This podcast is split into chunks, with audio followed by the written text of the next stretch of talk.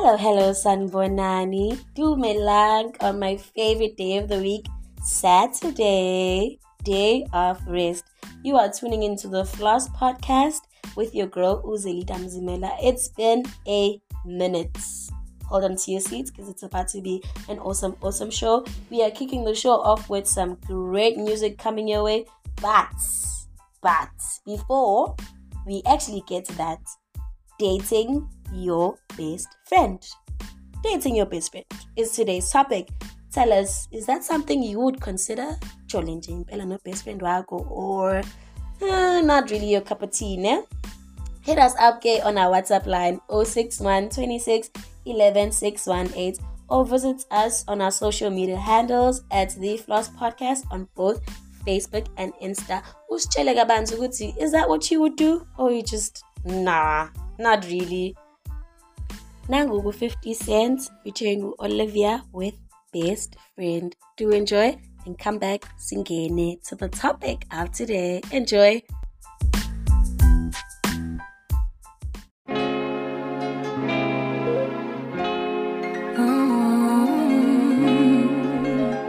Yeah.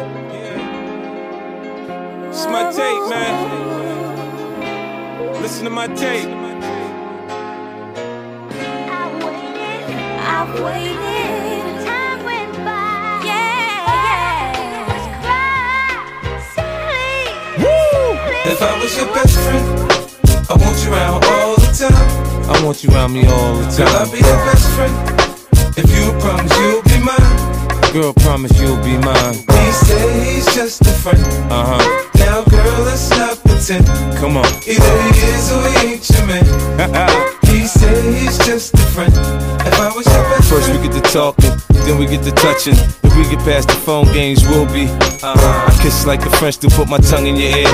Do it like the dogs do a girl and pull on your hair. For me, a different scenery just means a different position.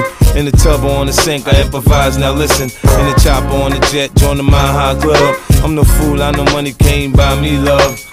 You said that I could call you whenever I needed someone to listen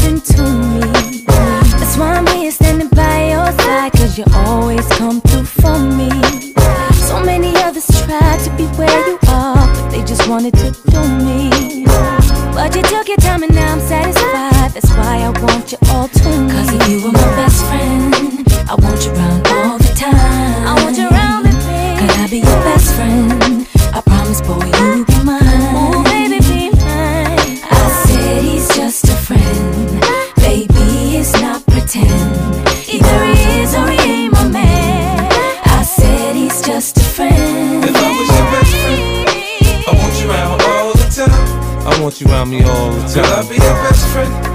If you promise you'll be mine. Girl, promise you'll be mine. He said he's just a friend.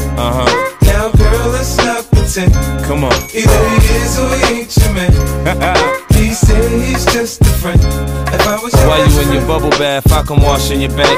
While you putting on your lotion, I can help you with that. I sit and think of things to say that may make you smile. Or give you gifts from the heart that reflect my style. The slang I use when we build may change how you talk. And if I'm focused when I'm and I can change how you walk. It's the swagger that you come with when you come from New York. I'm a hustler, I just hustle in the things that I bought. Separate, I'm come not on. afraid to explore my body. Ooh, give me that feeling. Then we can watch some TV or play Maybe that's sexual healing. You try to sing to me, you're never on the key, but you do it just to appease me. I'd rather spend my time wasting time with you. Ooh, you make it so easy. Cause if you were my best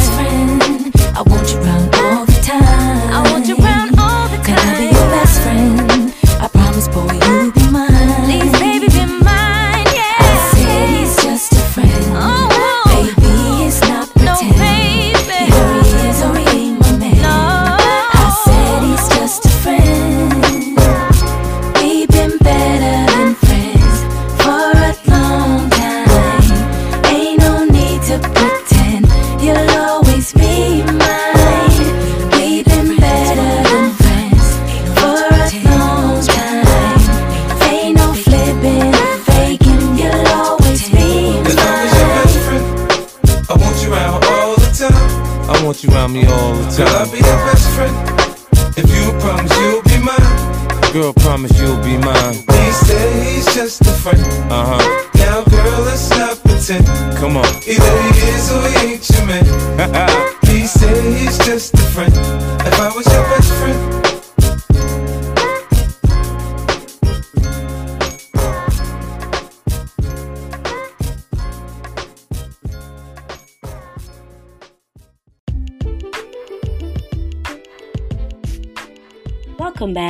You are still tuning into the Floss Podcast.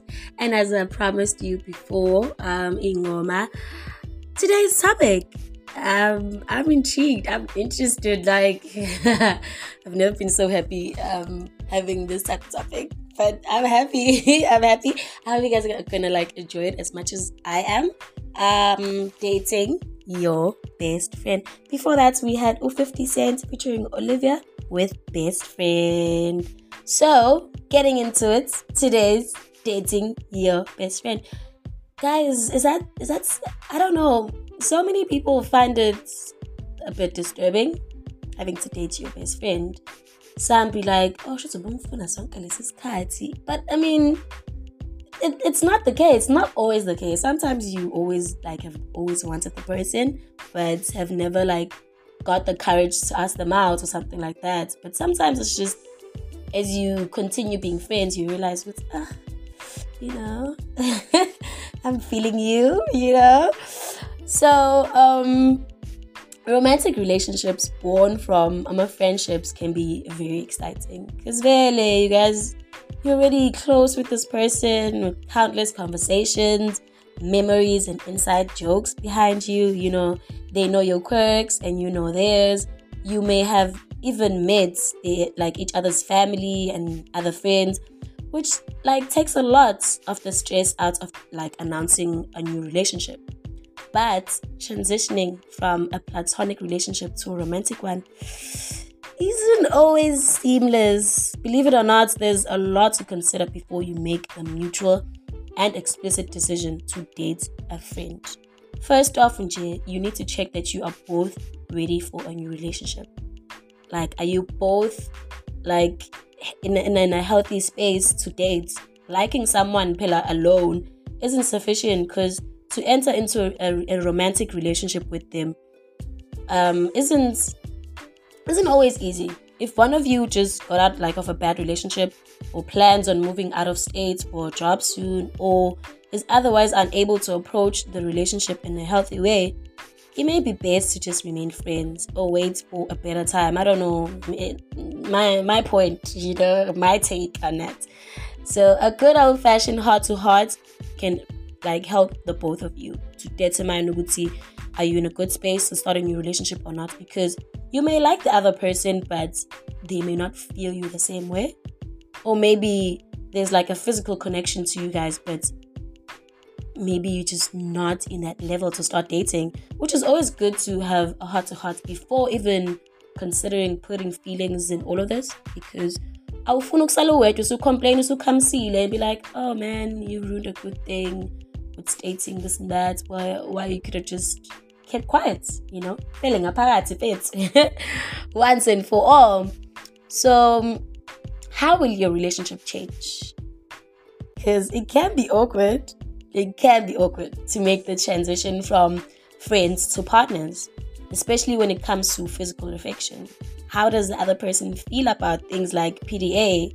Will you consider the relationship to be exclusive right away, or will you test the waters before going all in? Will you hang out more frequently, less? If you're going to do this, you want to do it right. So it's always best to like have a chat with your friend turned date mates. Because it can help you to elevate some of the difficulty that comes with navigating a new relationship territory because you know no strings attached nothing happening there. You just level of just loving each other uh, on a friend's basis. There's nothing you know that bad or that serious that could harm you guys any one of you. Yeah but simple than being in a relationship. Relationships are way too complex than just a friendship alone. So, success in a friendship doesn't equal success in a romantic relationship. Do always consider that because it's not the same, y'all. It's not the same. Yes, you may be good as best friends, but that does not equip you to be the best of lovers. Because, like I said, being lovers isn't the same as being best friends. You know, there's tribes and tribulations that you don't face while being friends and you face being lovers, you know? You guys are so adorable together. You're mutual friends teasing y'all. Yeah, you guys should date. You look so cute together and all that stuff. While you and your best friends may like get a- along super well and look super cute side by side, you're unnecessarily guaranteed smooth sailing in a romantic relationship. Romantic relationships involve a lot of things that friendships don't, as I've mentioned. Mutual decision making, consideration of each other's love languages, physical intimacy, commitment, communication, and often exclusivity. To name a few, nje. And if you two aren't compatible in those ways, the romance might not be as cozy as the friendship. Now, getting to the the pixie of it, the what ifs. As much as it hurts to think about, it's imperative that you consider what might happen if the relationship doesn't work out. It's hard to be friends with an ex for one. Doing so can be very, very stressful and even damaging to the healing process post relationship. So, the end of your romance might mean the end of your friendship too. We aren't I'm a fortune tellers, guys, so it's impossible to know whether the relationship will last, and uncertainty about the, the long term shouldn't hold you back from like pursuing a new love. But if you're already on the fence about whether the relationship should would work out, it may be better to just remain friends. I mean, guys, I always say that um, if I care about you enough, or if I've been friends with you for that for like the longest time, and I want to keep you in my life forever, trust me, I will not. I will not date you.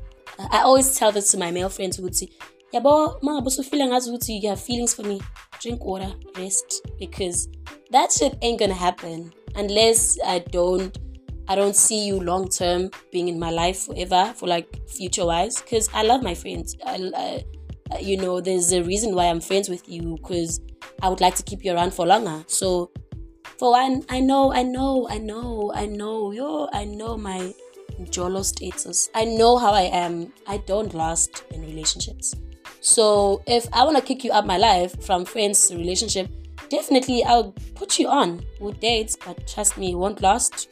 And then we're done. So imagine, yeah, losing over a five a five year relationship, friendship, over a year love love romantic relationship. Kanjalo nje. I don't think that's something I would want to do because at the end it's gonna cause problems. It's gonna cause me even heartache to lose a friend of which I love because once we become lovers, it won't be easy to spoil it and be friends again. You know what I mean? It's not to be the same. So rather early nje once we get on that road, we're never coming back. Trust, trust. so guys, do consider what you want to do. I mean, it's it's it's different strokes for different folks, right? Some would be like, yes, it's a good way to start a relationship, a good foundation, blah blah blah but I feel like personally, yes, it's a good foundation and stuff. We're already friends. We know each other. But I, I, I, I no, I can't. Literally, I can't. I cannot. I cannot. Trust me. But yeah, man. Like I said, different strokes for different folks. Whatever you decide, you better be ready to face the consequences at the end. Do not blame others. You chose this for yourself. So, um, wrapping it up, now good music. Enjoy.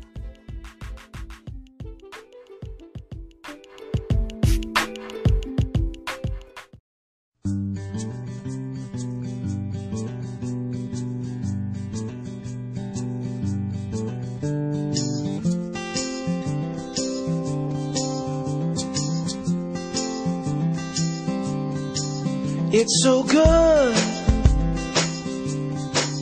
what we got. You and me, we laugh a lot. We're just friends, simple as that.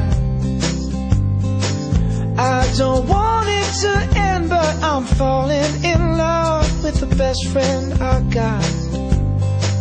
They say you don't really wanna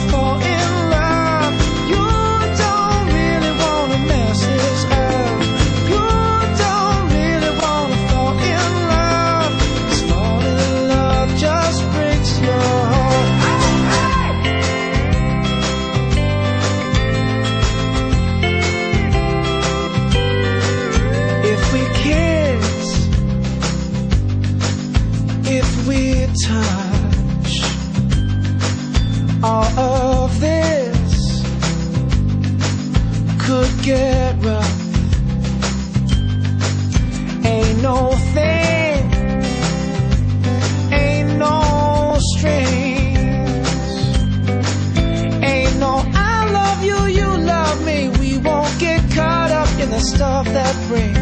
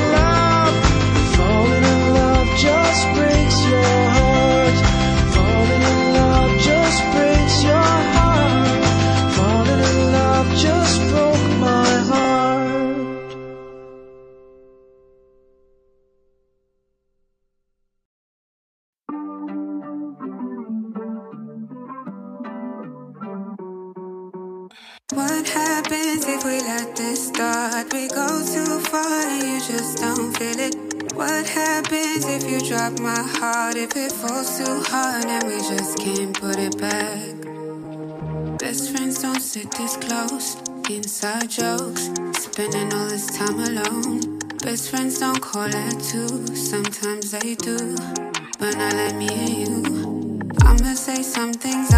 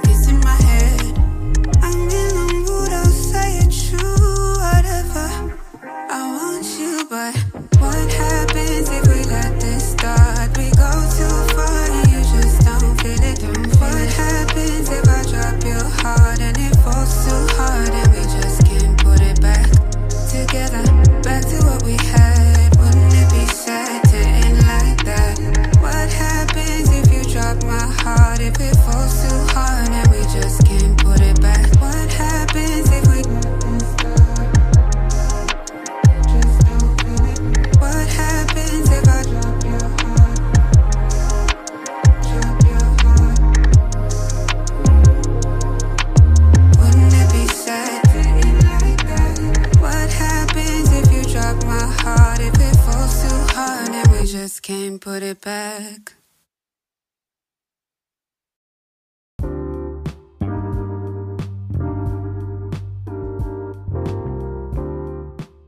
I'm in the mood, I'll say it's you, whatever.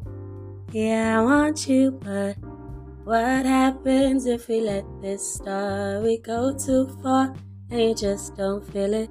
What happens if you drop my heart and it falls so hard? and we just can't put it back together. Back to what we had. Wouldn't it be sad to end like that? What happens if I drop your heart and it falls so hard and we just can't put it back? Literally, this song sums up everything I talked about on dating your best friend. One of my favorite, favorite, favorite songs are the whole year, maybe whole month, whatever.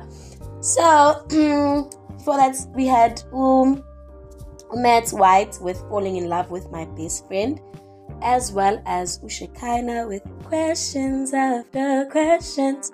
Wonder if they're moving in the same direction. Okay, it's mentioning this is not idols. we should remember that.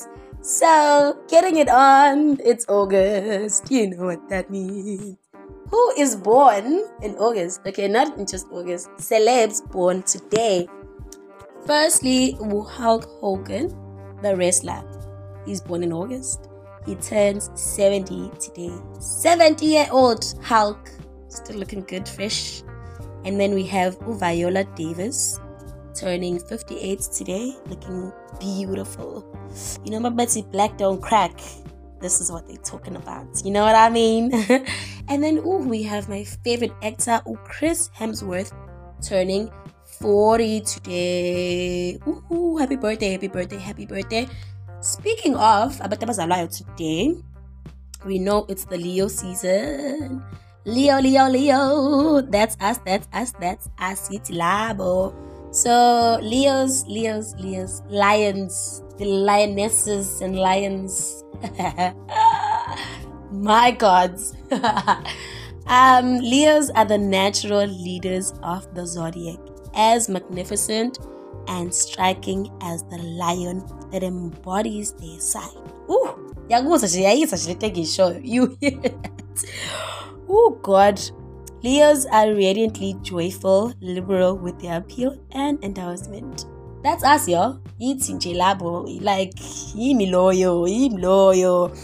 They are fiercely proud and confident. They love and live life to the fullest rather than being in charge at home, work, and play. Leos are very loving, theatrical, and creative. There are many Leos amongst the world's performers, so Leos despise small mindedness and nitpicking. However, they may be obstinate, strict, and inflexible at times. Definitely. you know, as much as I don't 100% believe on the star signs and stuff, but I believe is the ninja ngazo on being Leos. Like they're literally talking about me. I mean, I, like I've mentioned here, I, I hate small minded people. I like open minded people, you know. Be fresh with me, you know. I'm loud, okay? Naturally, I mean, I'm loud. Everybody who knows me knows I'm loud as fuck. So, I, you know, I like being around people who are, you know, not, you know, uh, no, don't be that person. Just be be open, be nice, be be bubbly, not bubbly too much because plus is so clash and I'm saying it bubbly now so bubbly and stuff. But just be accommodating, be be okay with my bubbliness. Don't be offended by it and stuff. Yeah. So Leos are also powerful, courageous, and eager to conquer everything that they set their minds to. I need to set my mind on good things, shit that I want to achieve, then definitely I'll conquer the world with it. When Leos set a target for themselves, they stick to it with tenacity. Everyone gets out of the way if a Leo has their heart set on something.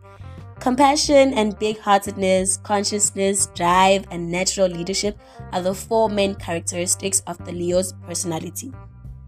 Leos are known for their generosity of time, energy, respect, and money. As a result, Leos are attracted to others. Leos have a natural sense of self-assurance. Ooh, yabona like this is this is this is saying guanele guanele guanele guanele guanele. Leos like the lion emblem recognize their own strength and authority and they aren't hesitant to express it. That's me, y'all. Mina I I angilali it's one. Angilali endleleni. I don't sleep I don't sleep in the bush.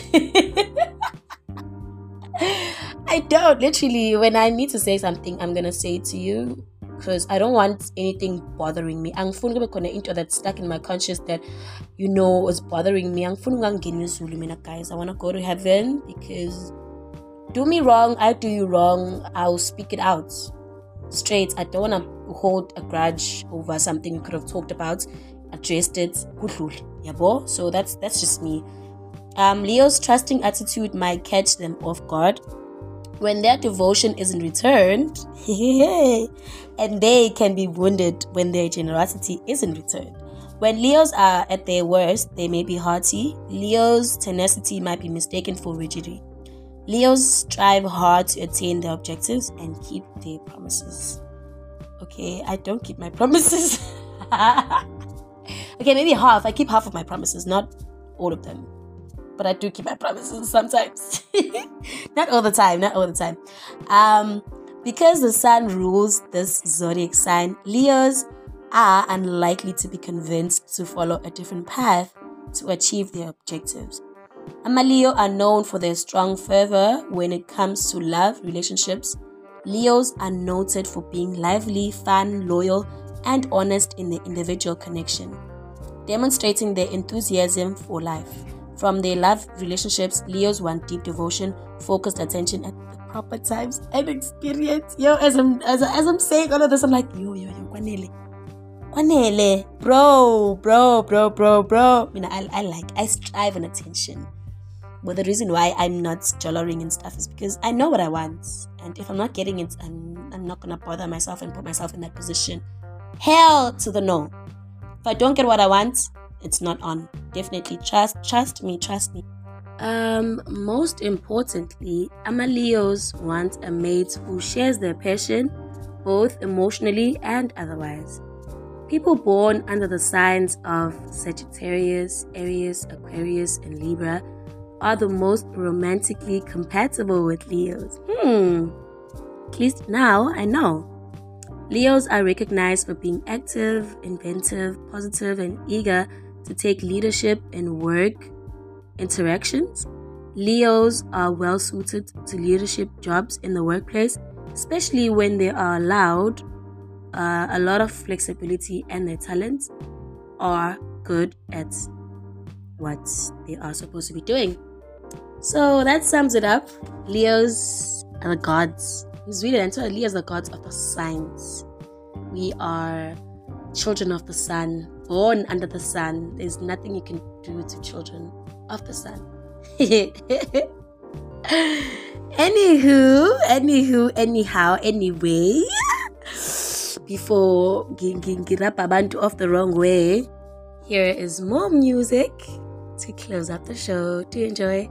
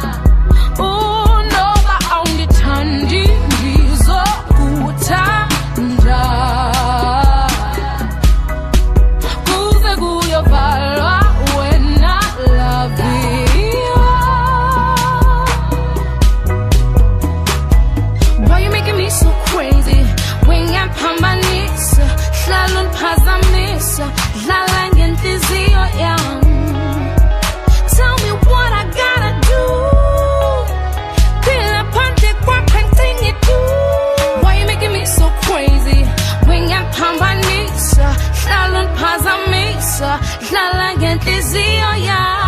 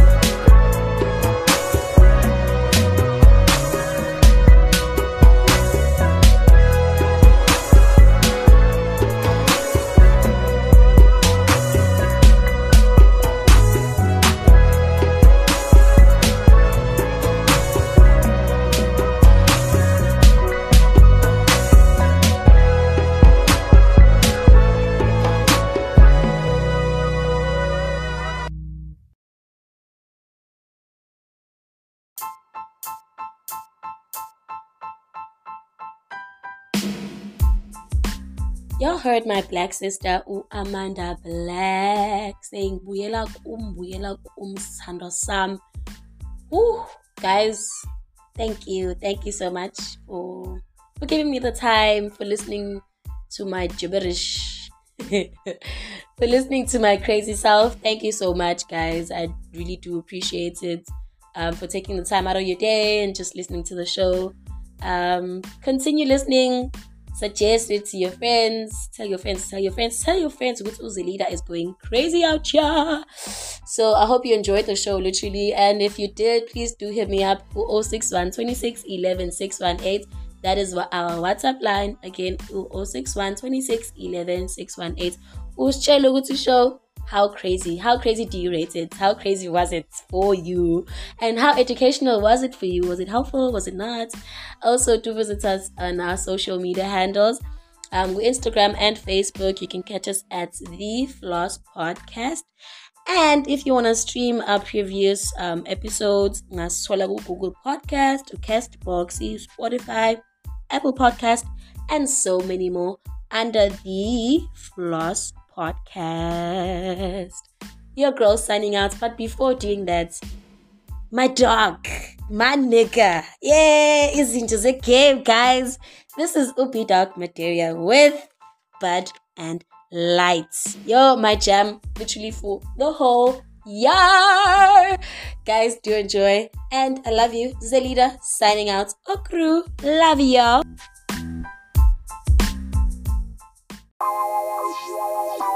All the time. Good vibes. All the time. Hey, yo, the specialist, hear this. Cracking open a cold one with the boys. King of the hill. What you waiting for? Pass the blunt. Smoke some, bro. Good vibes all the time. Have a bride when it's chilled outside. Grill barbecue. All jokes aside, what you gonna do if kamikaze making Zulu moves without you? Halftime with your friends in the stew. It's just beneficial. Oh, you know it's beneficial. What you waiting for? Yeah, we been coughing since COVID. Fuck the po-pos. Cooler box when it's 31 degrees. Neighborhood got all eyes on me. They only say, say, say. New chicks on the block that we never even saw, and they wanna chill with me. Oh yeah, and the boys too. I forgot. Yo, let me just begin with how I just start each morning without a cup of coffee with no mistress. Getting missed calls from my homies. Try to call back, no answers. God damn it. I wonder how the hell I'm gonna spend the rest of the day. Maybe chill at the corner or just make up some bread. It's just plans after plans. Phone in the charger. I see a text message. Bro, we are coming. Here we go. Here we go. Plus, I notice that I'm home alone. Yeah. We gon' party in the crib till we see the moon. 8 a.m. turn to p.m. real quick. Real quick. Outfit is for outdoors only. Only. You still try to impress someone while we still do the things to have fun. What a shame. What a pretty damn shame that you do it for the gram. You just pretty